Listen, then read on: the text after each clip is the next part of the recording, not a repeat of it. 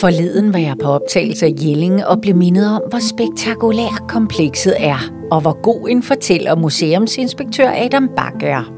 Jeg vil godt dele ham og kongernes Jelling med jer, så med udgangspunkt i Nils Lunds nye bog Jellingkongerne og deres forgængere, taler jeg med Adam om alle de nye opdagelser og al den nye forskning, der er gjort de senere årtier. Der er nemlig en god grund til, at stedet er udråbt til at være verdensarv og umistelig for menneskeheden.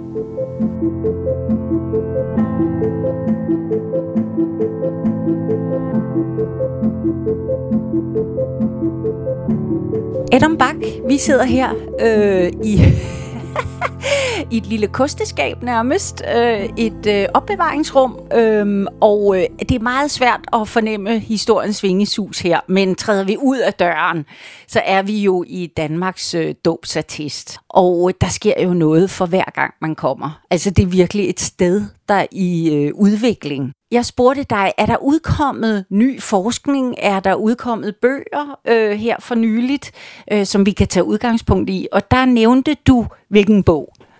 Ja, der nævnte jeg jo Nils Niels Lund, som er lige kommet med sine, øh, en af sine helt store bøger, efter min mening, som jo selvfølgelig handler om Jellingkongerne. Øh, og jeg sidder jo også med den lige her. Dens fulde titel er Jellingkongerne og deres forgængere af Niels Lund. Og, og Niels Lund er jeg jo svært glad for. Fordi? Ja, fordi han er en af de få historikere, som faktisk holder, forholder sig utrolig kritisk til de historiske kilder. Og som arkeolog, så kan jeg jo virkelig værdsætte det den der øh, forskel på historikere og arkeologer, hvordan kommer den til udtryk, øh, altså for eksempel helt konkret i forbindelse med arbejdet her på Jelling?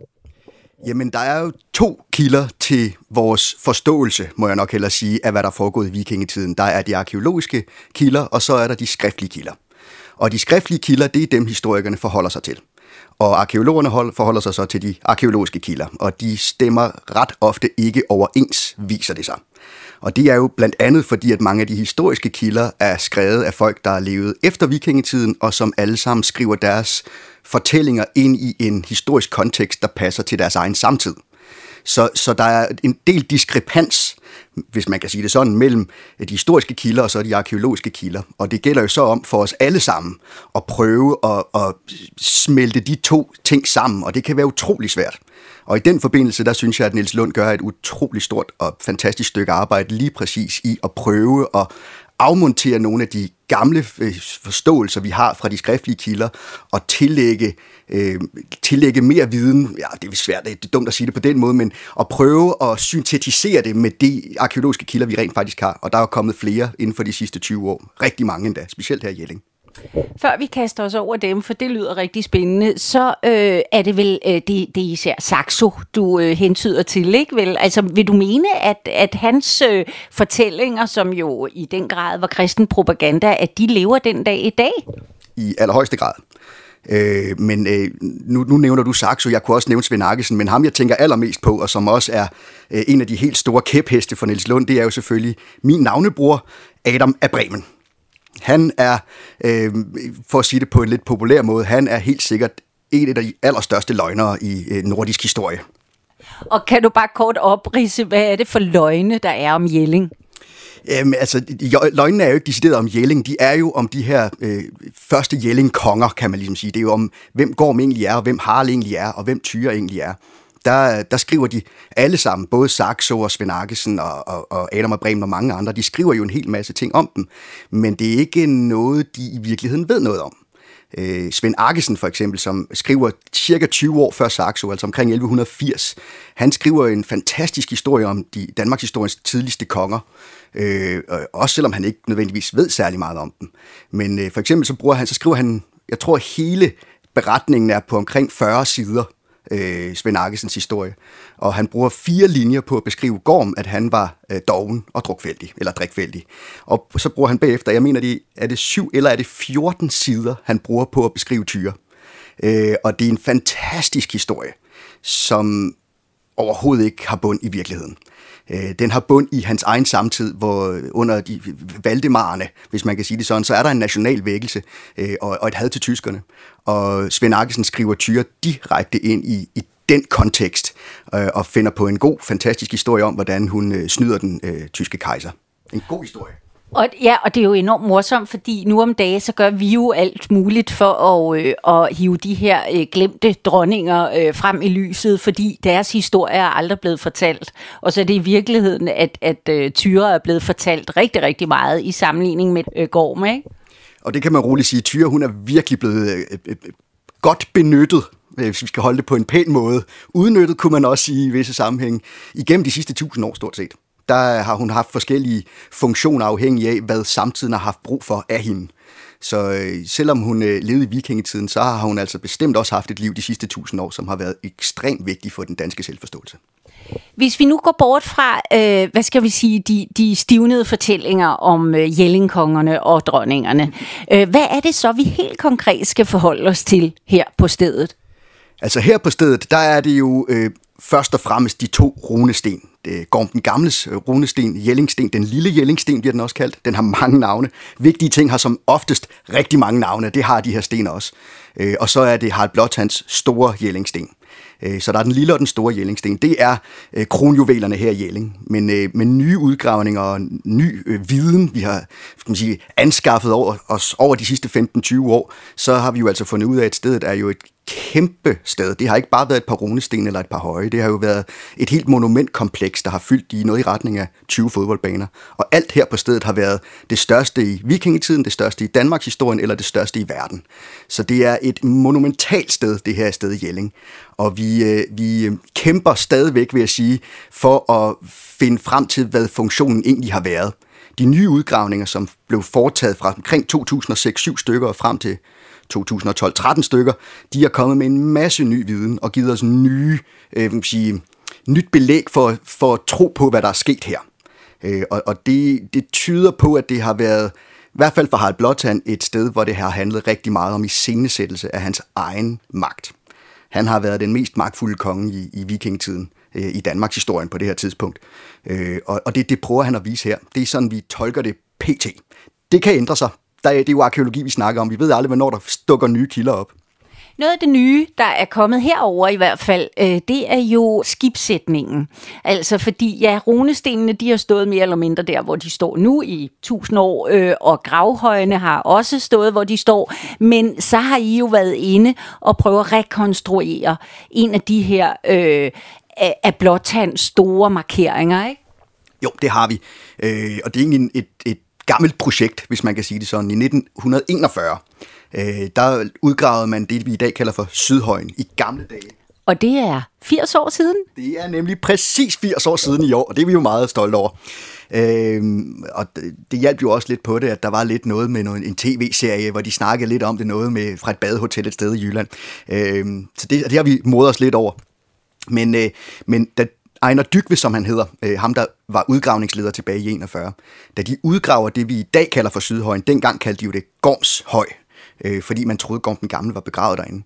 Da de gravede den ud, der fandt de nogle store stenrækker, der stod nede under højen, øh, som de ikke rigtig kunne forklare, hvad gik ud på. Og Ejner Dykve havde selv nogle teorier om en stor øh, stensætning i en form af en trekant. Han kaldte det et helligt vi, der stod her. Øh, og sidenhen, de, sidste, de næste 65 år frem faktisk, der har der været adskillige teorier om skibssætninger, som det hedder, bare i forskellige størrelser. En skibssætning, det er altså en masse store kampesten, man stiller op, og så laver man ligesom sådan en skibsform ud af dem, hvis man ser på det opfra. Det er ikke unormalt fra vikingetiden. Det, der så skulle vise sig at være unormalt her i Jelling, det var, da vi lavede de nye udgravninger, og fandt flere sten, helt oppe i den anden ende af monumentkomplekset, som, skulle, som faktisk passede sammen med dem, der blev fundet i 1941. Og på det tidspunkt, der kunne vi jo så begynde at erkende, at vi faktisk har at gøre med en skibssætning, som er næsten fire gange større end den næststørste, vi overhovedet kender til. Og hvor ligger den, skal jeg bare lige vide? Den næststørste? Ja. Jamen, der er et par stykker. Øh, den mest kendte er nok den, der ligger over i Skåne ved alle stenar. Den er omkring 80 meter lang og meget, meget velbesøgt. Øh, så er der en over ved Lejre, som de selv siger er 80. Jeg, jeg får den til 75, maskine med det.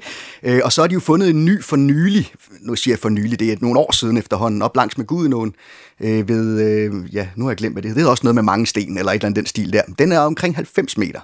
Men den tyder på faktisk at være fra germansk jernalder, altså fra 500-600-tallet af, så vidt jeg husker. Og det skulle så være den næststørste. Kan du sætte nogle tal på den? Det er nemlig lige det, jeg skulle til, ja. Fordi den, vi har her i Jelling, den er 80 meter bred på det midterste sted, øh, lige omkring Nordhøjen, altså det, der hed Tyreshøj i gamle dage. Men i længden, der er den altså så lang, at Eiffeltårnet, Hvis man lagde det ned, så kunne der være plads til hele Eiffeltårnet inde i vores skibsætning i Jelling. Den er 356 meter lang. Så det er et kæmpe monument, og det har været en kolossal bedrift. Altså bare slæbe alle de her sten til Jelling. Hvor kommer de fra, stenene? Ja, det er jo et godt spørgsmål. Man har jo ikke haft et stenbrud i Danmark. Det, det ved vi jo nok alle sammen efterhånden, og Christian den 4. skulle jo også hente sten fra tidligere byggerier, når han skulle bygge osv. Øh, vi regner med, at langt de fleste af sten, det er nogen, der er kommet ned med istiden. Øh, og så har de ligget rundt omkring, da isen smeltede og trak sig tilbage, så er stenene blevet efterladt. Og mange af dem er sandsynligvis blevet samlet sammen med stenalderfolk og bronzealderfolk, og vi kan se, at nogle af dem er blevet genbrugt fra bronzealderen blandt andet. Men de har simpelthen støvsuget egnen for store sten og slæbt dem hertil. Og den her skibsætning, øh, vi vurderer, at det er et sted mellem 400 og 600 store kampesten, der er blevet slæbt hertil for at lave den her stensætning. Og de største af dem er altså over to meter høje, så det er nogle ordentlige Obelix-sten, øh, han bærer rundt på, øh, eller de bærer rundt på i vikingetiden. Det har været et kæmpe monument. Men det har jo taget enten meget, meget lang tid, eller også krævet rigtig, rigtig mange menneskers indsats, ikke? Fuldstændig rigtigt. Og det er det, det i det hele taget lugter af her i Jelling, jo mere vi finder ud af, at ressourcerne anvendt på det her sted er svimlende. Og hvorfor det er lige her i Jelling, altså det vi prøver at regne ud, fordi vi kan ikke rigtig se nogen praktisk årsag til det. Det er ikke, det er ikke tæt på vandet, det er ikke en handelsby, øh, men til gengæld kan vi se utrolig mange symbolske ting ved Jelling, som giver mening i forhold til, at det her blandt andet, eller specielt Harald vælger at iscenesætte sin magt, fordi det er centralt i det rige, han er ved at skabe sig.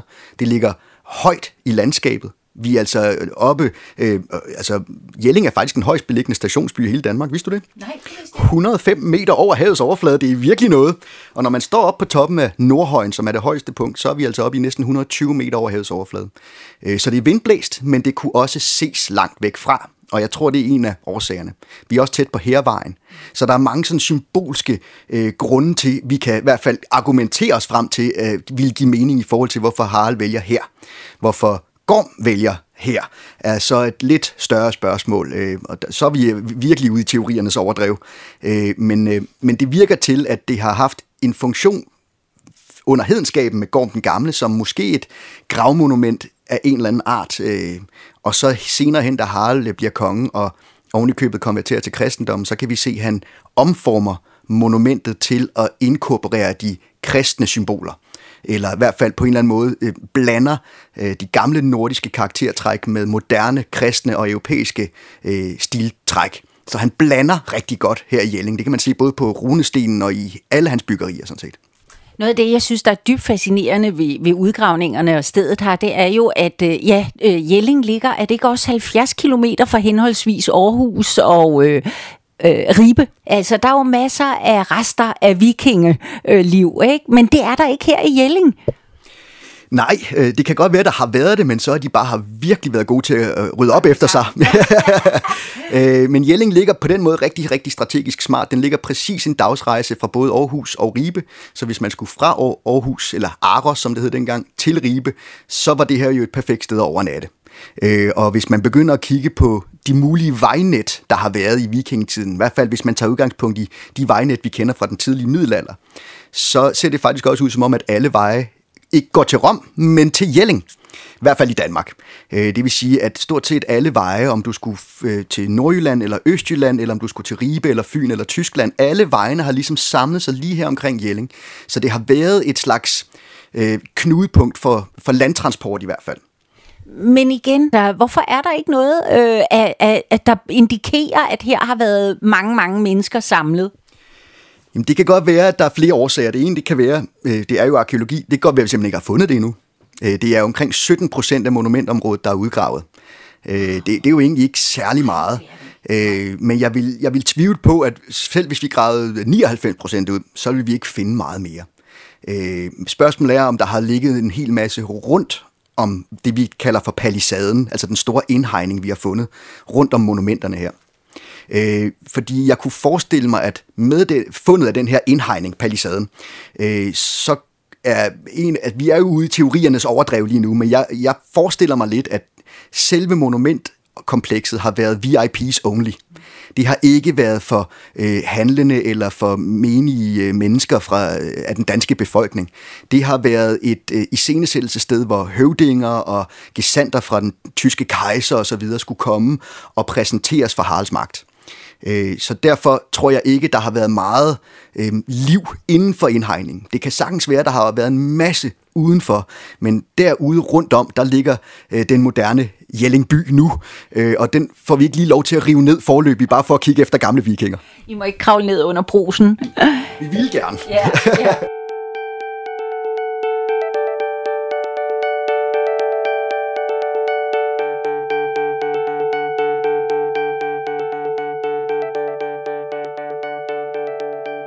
Men der er jo også noget, der taler for, at øh, det ikke bare har været et sted for repræsentation, men også for religiøse ceremonier her, ikke? Altså, det har det i hvert fald været øh, inden kristendommen. Det, det må vi antage. Vi, vi, det er meget med antagelser, det her. Det, det håber I alle sammen kan leve med. Øh, men, men øh, altså, det er jo sådan, at I, hvad vi generelt forestiller sig om, om vikingetiden, så er dem, der øh, foretager de religiøse ceremonier, det er også øh, de højeste i aristokratiet det er høvdingerne, og det er kongerne. Det er altså også dem, der har været, hvad skal man sige, præsterne, hvis man kan bruge det ord. Øh, så det hænger sammen. Magt og religiøs, øh, og de religiøse har hængt sammen. Øh, og, og det kunne man sagtens forestille sig, at det her sted har været en del af de religiøse ceremonier, i hvert fald øh, så længe, at det er øh, asa-ceremonierne det vi sådan generelt regner med, eller øh, tror vi ved, hvis man kan sige det sådan, det er jo, at lige præcis, at i asatroen, så har, øh, der har jo egentlig været religionsfrihed man har været fuldstændig ligeglad med, om bundemanden, øh, naboen, han har været øh, kristen, eller buddhist, eller asatroende, øh, og det har kongen sådan set også været. Det, der har været eksklusivt, det er ceremonierne. Det vil sige, de store blot og offringerne til Thor og Odin, det har, ikke, det har været eksklusivt, og ikke for, for hvem som helst. Og det er det, der egentlig ændrer sig med, med kristendommens indførelse. Der går det lige præcis fra at være, at ceremonierne er eksklusive og kun for de få udvalgte, til at nu er ceremonierne noget, alle skal være med til. Øh, til gengæld, så må man ikke tro på andet. Så det er ligesom, det er eksklusivt på hver sin måde, Øh, og, og det er en af de store forskelle mellem den gamle og den nye religion. Og jeg synes, øh, lige præcis med den nye religion, der er det svært at se, at det her har stadig været et sted, hvor alle måtte være med. Det har stadig stadigvæk været eksklusivt, men jeg tror ikke, det har handlet så meget om de religiøse ceremonier. Jeg tror, det har handlet lige præcis mere om øh, udvidet, altså at Harald skulle vise, hvor magtfuld han var, og hvordan han øh, formåede at integrere det moderne øh, og det kristne med en nordisk kulturtradition, for netop at vise over for europæerne, at vi godt vil spille bold, vi vil gerne være med, vi vil gerne samarbejde, men I skal ikke tro, at det er jer, der bestemmer hos os. Og det er jo netop også derfor, at Jelling er på UNESCO's øh, verdensarvsliste. Det er jo også fordi, at man ser hedenskab og kristendommen siden om side. Ikke? Øh, helt konkret, hvordan gør man det? Hvor lang tid har du? fordi, ja, der er i hvert fald gået kvarter. Ja, fordi nu, nu kan jeg snakke, dine, nu kan jeg snakke et øre af, skulle jeg til at sige. Altså først og fremmest så ser vi det jo på øh, hans fan, fænomenalt udformede øh, Jellingsten, den store sten, øh, som har øh, efter min mening en fænomenal blanding mellem de to elementer, kulturtraditioner, den nye og den gamle. Han laver en traditionel runesten, som vi har lidt over 260 af i, i Danmark, hvor vi kan se, at der er nogle, øh, nogle formalier eller nogle traditioner, man skal opretholde for, at det bliver en ordentlig mindesten. Og det gør Harald også. Men så blander han det med noget helt nyt. Øh, og, og det er jo det, man kan se på den her sten. For eksempel så skriver han med gammeldags runer. Han skriver ikke på latin, ligesom de kristne vil gøre. Han skriver med gammeldags runer, men i stedet for at skrive nedefra op, eller øh, frem og tilbage, eller rundt i cirkler, eller hvad man kan finde på på en traditionel runesten, så skriver, så skriver Harald udelukkende i vandrette bånd fra øverste venstre hjørne mod højre, præcis på den måde, Bibelen skal læses på. Og så har han jo en Jesus, men det er jo ikke en kristen Jesus, vel? Åh, oh, det er... Han ligner en viking, gør han ikke det? Han er det, vi kalder for den sejrende Kristus. Okay. Og, og der kan man godt sige, at det, det er en vikingsk afbildning af Kristusfiguren. Øh, vi, vi skældner oftest mellem to forskellige udlægninger af, hvordan Kristus ser ud. Enten er han den lidende Kristus, det er ham, vi kender fra kirkerne, hvor han hænger på et kors, og hele den her historie om, hvordan han opoffrer sig selv for vores synders skyld. Øh, han lider for, på vores vegne. Øh, og den har ikke fungeret i Nordens vikingetid. Øh, der skal man altså konvertere eller gå fra en macho-kultur med stærke krigerguder med store overarme og fede magiske våben, øh, og så skal man gå over til en anden religion. Og hvis man siger, nu skal du ikke tro på Thor mere, nu skal du tro på sådan en halvdød fætter på en pind, øh, så er det ikke sikkert, at det ligesom tager fat. Så det man gør, og det kan man se i stort set alle afbildninger, vi ved, der er nordiske, af Kristus fra vikingetiden, så er han ikke på et kors. Så står han bare med armene ud til siden og laver korsets tegn, men han virker langt mere stærk og øh, magtfuld, øh, fordi det, er, det, det spiller ind i den forståelse, vikingerne har. Så hvis de skal konvertere til en ny gud, så må han jo være stærkere end Odin, ikke svagere. Så derfor skal billedet af ham også være et stærkt billede. Og det er det, du ser på, øh, på Haralds runesten også. Dybt fascinerende. Hvis vi så øh, forlader verdens største runesten, som det jo er, og går videre ud øh, i komplekset, hvad er det så, vi ser? Så ser vi øh, to høje, og så ser vi jo den her skibsætning, som jeg snakkede lidt om. Og både højene og skibsætningen er... Og du glemte den lille sten. Jeg glemte, jeg glemte, men jeg kan godt sige, jeg glemte Du glemte tyresten. Ja, altså, øh, den har jeg egentlig ikke glemt, men den er jo en del af det tidligere. Når vi snakker om, hvordan Harald han prøver at vise overgangen, så er Gorm og hans sten ikke længere helt nær så relevant, hvis man kan sige det sådan. Du er tilgivet. Tak skal du have. Desuden står Gorms sten jo heller ikke på sin oprindelige plads, og jeg tror, at den har stået oppe i nordspidsen af det her enorme skibssætning, fordi der er noget, der tyder på, øh, øh, at det er Gorm, øh, eller hans folk, der er ansvarlige for den her skibsætning, bliver lavet. Men den er hedensk i sit udtryk, og det er højne i udgangspunktet også. Nu viser det sig jo så bare, at vi har jo to høje her, og man troede jo altid, det var Gorm og Tyres høj. Øh, det er det så ikke. Der er kun én gravhøj, og det er den, vi i dag kalder for Nordhøjen. Den sydlige høj har vi jo så fundet ud af efter 1941. Det er bare en stor bunke jord. Øh, og det er til gengæld bare Danmarks historiens allerstørste bunke jord, hvis man kan sige det sådan. Øh, igen, hvis vi skal være lidt popsmart omkring det, så vil jeg kalde det for en blærehøj. Øh, det er i scenesættelse, øh, simpelthen, tror jeg. Er det Harald igen? Det er nemlig Harald igen. Og det er der, vi begynder at bevæge os over i, hvordan vi kan se øh, overgangen i hele hans arkitektur og hans monumentbehandling, hvis man kan sige det sådan. Fordi vi har en gravhøj og en skibsætning og de er hedenske og skal symbolisere sandsynligvis øh, den sidste rejse til det næste liv. Men så da Harald han konverterer og bliver kristen, så kan vi jo faktisk se, at der sker nogle ting. Den gravlagte i Nordhøjen, som vi formoder er Gorm den Gamle, bliver pillet ud på samme tid. Muligvis fordi, at nu dur det jo ikke, at farmand er på vej til Valhall, hvis øh, Sønnega skal til Perleporten. Ikke? Så skal han jo have far med. Det er en af teorierne. Sydhøjen den bliver bygget, uden der bliver gravlagt nogen ind i, og den bliver oven i købet lagt oven på en del af den her hedenske skibsætning. Men skibsætningen bliver ikke fjernet den, kan blive, den bliver for, forankret, kan man ligesom sige. Øh, men skibsætning er jo også et magtsymbol, og jeg tror, det er der, vi skal ind i en forståelse af Harald. Han vil underspille de hedenske symboler, men bibeholde magtsymbolikken. Og skibsætning, som jo er verdens største, det vil være fjollet at fjerne den, fordi det er jo et kæmpe symbol på magt. Og det samme er højen, som hans far bliver begravet i.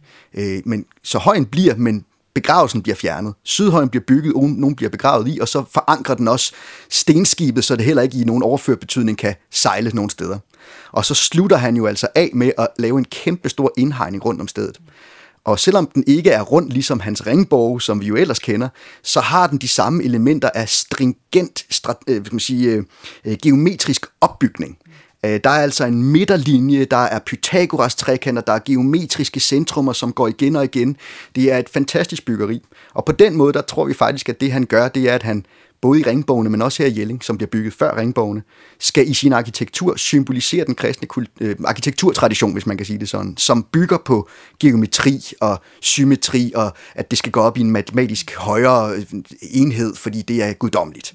Og det er det, vi faktisk kan se, der går igen i alle Haralds byggerier, også her i Jelling.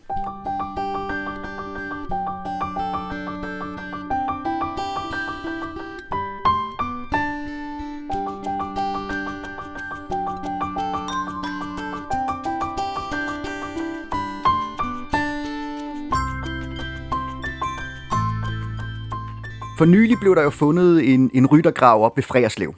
En fantastisk rytterbegravelse. Der var bare ikke nogen rytter. Mm. Og øh, Mammen-højen, øh, eller Mammen-udgravningen, som også dateres til cirka samtidig med, med Harald Blåtands virke i hvert fald, også en fantastisk øh, gravhøj, masser af flotte fund, og den her fantastiske Mammenøkse, som virkelig er et verdenskendt fund. Heller ikke nogen person der. Og øh, hvis vi begynder sådan at dykke lidt ned i nogle af de skriftlige kilder, så har vi jo en af dem, jeg godt kan lide at tærske lidt på, når det nu ikke kan være Adam med Bremen. Så er det ham, der hedder Ahmed Ibn Fadlan, som skriver om en begravelse på Nedre Volga, øh, hvor han blandt andet bemærker, at de faktisk laver en gravhøj til ham her, den døde høvding, som han skal ligge i i nogle dage. Indtil at forberedelserne er færdige, så piller de ham ud af højen igen. Så der er forskellige muligheder for, hvorfor at personen, vi formoder er Gorm, bliver genbegravet et andet sted. Det kan være, fordi de er bange for, at han skal gå igen, nu når Sønneke kan konvertere. Det er jo en mulighed. En anden mulighed er, at han skal med over i kristendommen. Og en tredje er, at det simpelthen er øh, ligesom i dag. Hvis man er rig nok, kan man jo omgås reglerne. Og det kunne man jo godt forestille sig også har været en, en del af spillet. Hvis det nu er, at alle skal til Valhall, når de dør, øh, det, det er ligesom at det, der er målet. Men for at det skal kunne lade sig gøre, skal man dø i kamp. Det kunne man jo godt forestille sig, hverken Gorm eller ham, høvdingen eller jarlen fra mammen har gjort. Øh, men hvis der så er nogen, der er villige til at bruge ressourcer på at lave nogle ceremonier eller et eller andet, kan det jo godt være, at man kan sende dem den vej alligevel. Øh, og det kan jo også være, at det er det, der er sket her. Altså, så vi ved det strengt taget ikke, men officielt så er den teori, vi arbejder ud fra, det er, det er Gorm, der ligger i Nordhøjen. Han bliver begravet som asatrone, og da Harald konverterer 5-6 år senere, så bliver han genbegravet som kristen for at følge med udviklingen. Og nu vi er ved begravelser og nye idéer, øh, og jeg ved, det kun er en idé. Øh, Gorm ligger måske ikke alene i Nordhøjen. Eller har ikke ligget alene i Nordhøjen? Ja, det er en af teorierne, man har haft, at det kunne være sådan en dobbeltbegravelse. Det var blandt andet fordi, at man inde i gravkammeret, da man fandt det i sin tid, så lå der en planke på tværs lige midt ned igennem øh, øh, øh, gravkammeret, som ligesom delte op i to halve. Og derfor tænkte man, siden det faktisk var et ganske stort gravkammer, at det måske har været sådan et dobbelt et til både Gorm og Tyre. Men den tror jeg, man er gået lidt væk fra igen, for det viser sig, at den bjælke, der lå kilet ned i midten af bunden af gravkammeret, var faktisk en loftbjælke, der var faldet ned. Så, så det, det, jeg vil sige... Men det kan være, at hun er blevet futtet af i, øh, i gravhøjen. Ja, altså vi, jeg nævner det jo om og om igen. Vi er jo ude i, Jamen, øh, i, i tanker og teorier her. ja. øh, jeg, kunne ikke, jeg tror ikke, at øh, gravkammeret blev lavet til andre end Gorm. Øh, jeg kan tage fejl, men ja. det er min teori. Jeg tror, at det gravkammer blev lavet til Gorm. Øh, og hvorfor at Gorm bliver begravet øh, midt i en kæmpe stor skibsætning, som han selv har lavet, Øh, det er nok muligvis fordi, at hans egen kone, altså Tyre, øh, har været gravlagt på præcis det samme sted. Og når jeg siger gravlagt, så tror jeg faktisk ikke, hun blev begravet. Jeg tror, hun blev brændt. Og det er måske en af grundene til, at hun ikke rigtig er til at finde i dag. Altså gravkammer blev første gang åbnet op i sådan i moderne tid i 1820. Øh, og det var der, man faldt det her fantastiske lille sølvbær, der hedder Jellingbæret. Øh, og i 1863, mener jeg det var, der kommer Frederik den 7. så med sit minørkorps og JJA Vorså, en af de store gamle klassiske arkeologer. Fordi nu skal de jo både grave i Syd- og Nordhøj, nu skal de finde øh, også det gravkammeret i den anden høj, havde de tænkt sig, ikke? og det finder de ikke rigtigt, og så kigger de lidt, lidt mere i Nordhøjen og finder gravkammeret, som er jo gammel og ødelagt, øh, så de bestemmer sig for at restaurere det. Så faktisk fra 1963, eller 1863 og frem til 68, tror jeg nok, der kunne man komme ind og besøge gravkammeret. Der sad en stakkels kustode derinde og kedede sig, kunne lidt øh, indtil de så lukkede det ned igen. Men så de restaurerede simpelthen gravkammeret der i 1863. Øh, og i forbindelse med det, så skulle de jo have en masse fugt ud af gravkammeret og, og højen, for at det ikke bare skulle rådne lige med det samme. Så de valgte jo at lægge en masse drænrør ind under gravkammeret, og det har jo desværre ødelagt øh, de, chancerne for, at vi ville kunne finde noget under det gravkammer, som vi går ud fra, var til den Gamle. Og hvis Tyre har blevet brændt, øh, på samme sted under gravkammeret, så er det jo lige der, hun skulle have ligget i et brandlag, som nu er nok øh, desværre ikke til at finde længere. Nu siger du, at det er 17 procent af komplekset, der ligesom er afdækket, og I har været i gang siden 1820.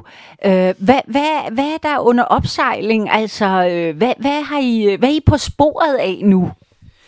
Ja, at vi faktisk, der er blevet gravet i længere tid end fra 1820. Det er ret lang tid, der er blevet gravet i, i, i Elling, så det er ret fantastisk, at man med de nye udgravninger, der kom i 2006-7 stykker, faktisk fandt banebrydende nye fund, som har fuldstændig ændret vores forståelse af stedet. Det var der, man endelig kunne erkende den her enorme skibssætning, og så den her gigantiske palisade, der har været bygget hele vejen rundt om stedet. Og det er stadigvæk den, vi er ret øh, forhippet på, kan man sige nu sagde jeg 17 procent, det kan godt være, det er 18 eller 19 procent. Det er noget i den retning i hvert fald. Men lige i øh, sidste sommer, der var der faktisk en ny udgravning på, nu skal jeg lige jeg lidt øst-vest, men jeg mener det på vestsiden af, af monumentkomplekset. Der har vi simpelthen lavet en ny udgravning for nylig, altså i sommers, øh, for at, at se, om vi kunne finde palisadeforløbet på den vestlige side også. Det var en af de steder, vi manglede. Øh, og i for, forbindelse med at prøve at forstå komplekset her, så en af de ting, vi har virkelig gerne ville finde, det var nogle porte. Fordi ringbogene er jo cirkelrunde for det første, men så har de altså også fire portåbninger, nord, syd, øst, vest. Øh, og vi har kun fundet en port indtil videre mod nord.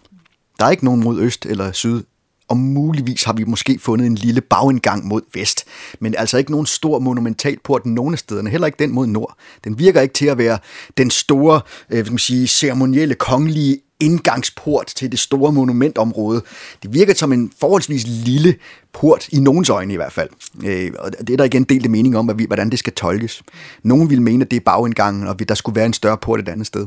I min personlige forståelse af stedet her, så synes jeg egentlig, det giver ret god mening, at der kun er én port, og den er på nordsiden. Fordi, som jeg har nævnt, så tror jeg, at dem, det er vigtigst for Harald at imponere, det er dem, der kommer fra syd. Så selvfølgelig skal porten være mod nord, så de har mest mulig tid til at gå rundt langs med byggeriet for at tænke over, hvor fantastisk magtfuld Harald han er, før de bliver lukket ind. Og når de så oven i købet også bliver lukket ind, så kigger de jo mod syd, så får de solen lige i øjnene, samtidig med, at de kommer ind til verdens største skibssætning, de to største høje i Danmarks historie stort set, og verdens største runesten og alt muligt andet. Så jeg tror, hvis det handler om iscenesættelse, så giver det mening for mig i hvert fald. Man ser det for sig, Adam. Jamen altså, I må jo have fortsat god jagt på porte og andre øh, spændende ting. Øh, og hvis man har lyst til at læse om Jellings udviklingshistorie og få samlet op på den viden og de konkrete fund og få gjort op med de fortællinger, fiktive fortællinger, der er om Jelling, så kan jeg anbefale øh, Jellingkongerne og deres forgængere af Nils Lund. Ja. Yeah. Og der kan jeg altså lige nævne, at, øh, at der skulle meget gerne inden for de næste par år komme meget, meget mere.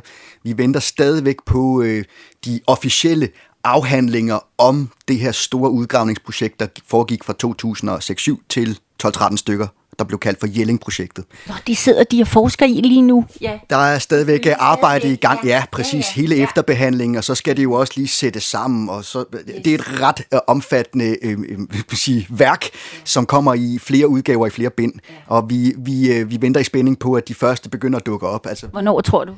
Jamen, uh, vi har snakket om, at det skulle have været på trapperne de sidste par år, okay. uh, men uh, så er der jo lige en pandemi, og, ja, ja. og sådan lidt forskelligt, men vi håber på, at inden længe, så begynder det altså at pible frem med forskellige øh, mere officielle afhandlinger fra Nationalmuseet og andre om, hvad det her kompleks egentlig drejer sig om.